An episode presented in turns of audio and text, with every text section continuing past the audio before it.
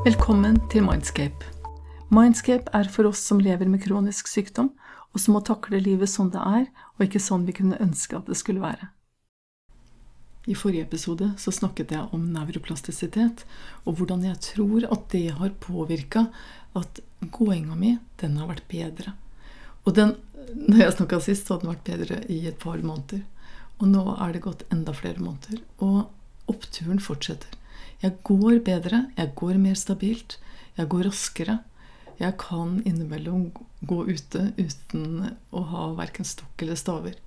Og jeg har også vært ute og gått i snøen på lengre distanser med staver, da, men, eh, for å stabilisere. Men rett og slett altså, klart å gå I desember så gikk jeg over 11 km til sammen, da, men dog. Det har jo på en måte vært helt utenkelig tidligere. Og ja, det har selvfølgelig med nevroplastisitet å gjøre. Og det handler jo om at man trigger hjernen sånn at den klarer å lage nye koblinger og finne nye veier, lage nye ledninger, sånn at du får kontakt med muskler som på en måte er der, men som ikke responderer.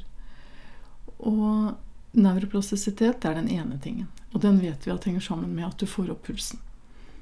Men den andre tingen som jeg lovte å snakke om nå, det er jo dette som handler om funksjonell trening. Altså trening som gjør at du fungerer bedre. For når man er i si, frisk tilstand, da, sånn som jeg var, jeg trente kampsport i 15 år, og alt handla om å bli sterkere, bli bedre teknisk, bli mykere, bli mer spenstig altså Alt handla om å bli bedre til liksom, de neste milepælene. Og så kom man over i en fase av livet hvor dette er ikke lenger oppnåelig, det er ikke realistisk, det er ikke mulig. Fordi man bare blir dårligere. Og jeg har jo opplevd nå i mange år og hatt en progresjon som har gjort at utviklinga har gått veldig den gærne veien. Så det å oppleve nå at det flater ut, at jeg faktisk blir bedre, det er sånn at jeg innimellom får lyst til å klype meg i armen. Og så er det virkelig sant. Kan jeg tørre å tro på at dette gjelder? For jeg har vært progressiv MS nå i mange år. Og det er ingenting som kan hjelpe meg i å stoppe den sykdommen eller reparere skadene. Det fins ingen medisin, de forsker på det, men ja, det ser ikke lovende ut sånn tempomessig i hvert fall. Så for meg så handler det om å finne ut hva er det jeg kan gjøre selv? Hva kan jeg påvirke? Hva kan jeg gjøre i det daglige som faktisk virker? Og da er det så fantastisk å se at den treninga som jeg har gjort nå siste året, og særlig dette med fokus på funksjon, på den funksjonelle treninga. Så funksjonell trening for meg, det handler om å trene på alle de muskelgruppene og alle de kombinasjonene av bevegelse som skal til for at man skal ha smidig gange.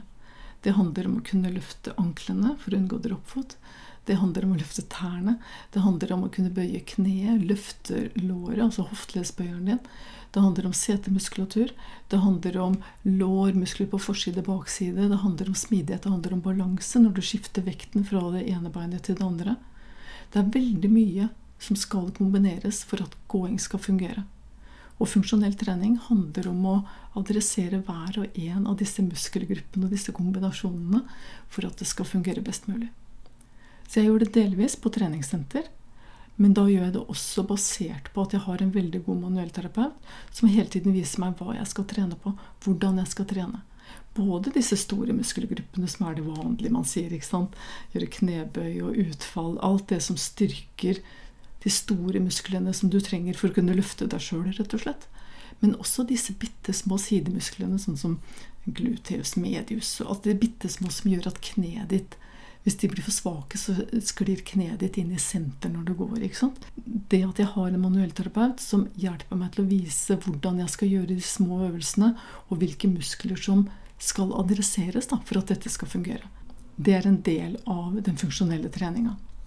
Så i kombinasjon da med at jeg gjør noe kardiotrening, altså blir andpusten først, og jeg blir mindre andpusten nå, det er ikke så slitsomt som det var i begynnelsen, så jeg merker jo at kondisjonen min blir bedre.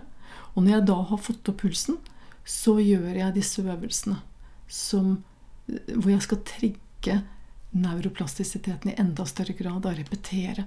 Så neuroplastisitet handler om å bli sliten og gjøre funksjonell trening på veldig, veldig mange repetisjoner. Det vi repeterer mye, det er det vi blir gode på. Det er det som kommer til å fungere. Så i dag så var jeg på treningssenteret, og etter å ha vært på ellipsemaskina For det er der jeg tar meg ut, for da slipper jeg å flytte føttene. Jeg slipper å løfte dem. ikke sant? Jeg bare er i bevegelse uten å kreve presisjon av føttene. Og så blir jeg ganske gående, og så setter jeg meg da på disse apparatene. Og det har jeg ikke gjort på veldig lenge. Dette ene hvor du sitter, og så skal du putte føttene innunder den pølsa, så skal du trekke hælene inn mot kroppen, altså opp mot rumpa. Og den andre hvor du da skal sitte og strekke beinet ut sånn at du aktiviserer forsiden på lår. Og disse to øvelsene har ikke jeg gjort på kjempelenge, for jeg syns det har vært rett og slett litt flaut. For jeg får nesten ikke til i det hele tatt. Jeg har liksom klart tre eller fire repetisjoner, så er det bare helt tomt. Det har ikke vært kontakt. I dag klarte jeg fire ganger 15 repetisjoner på begge beina. På lav vekt, bruker mellom 5 og 10 kilo, men jeg klarte mange repetisjoner.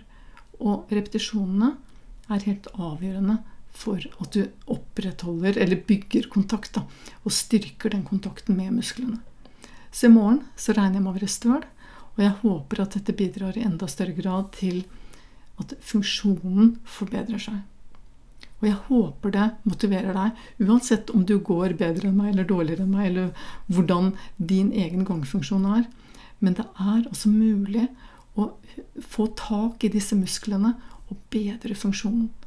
Og det er jo det som gir oss håp, ikke sant?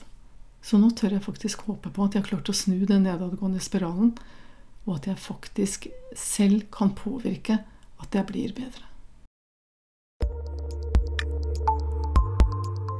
Takk for at du hørte på denne episoden. Jeg heter Elin.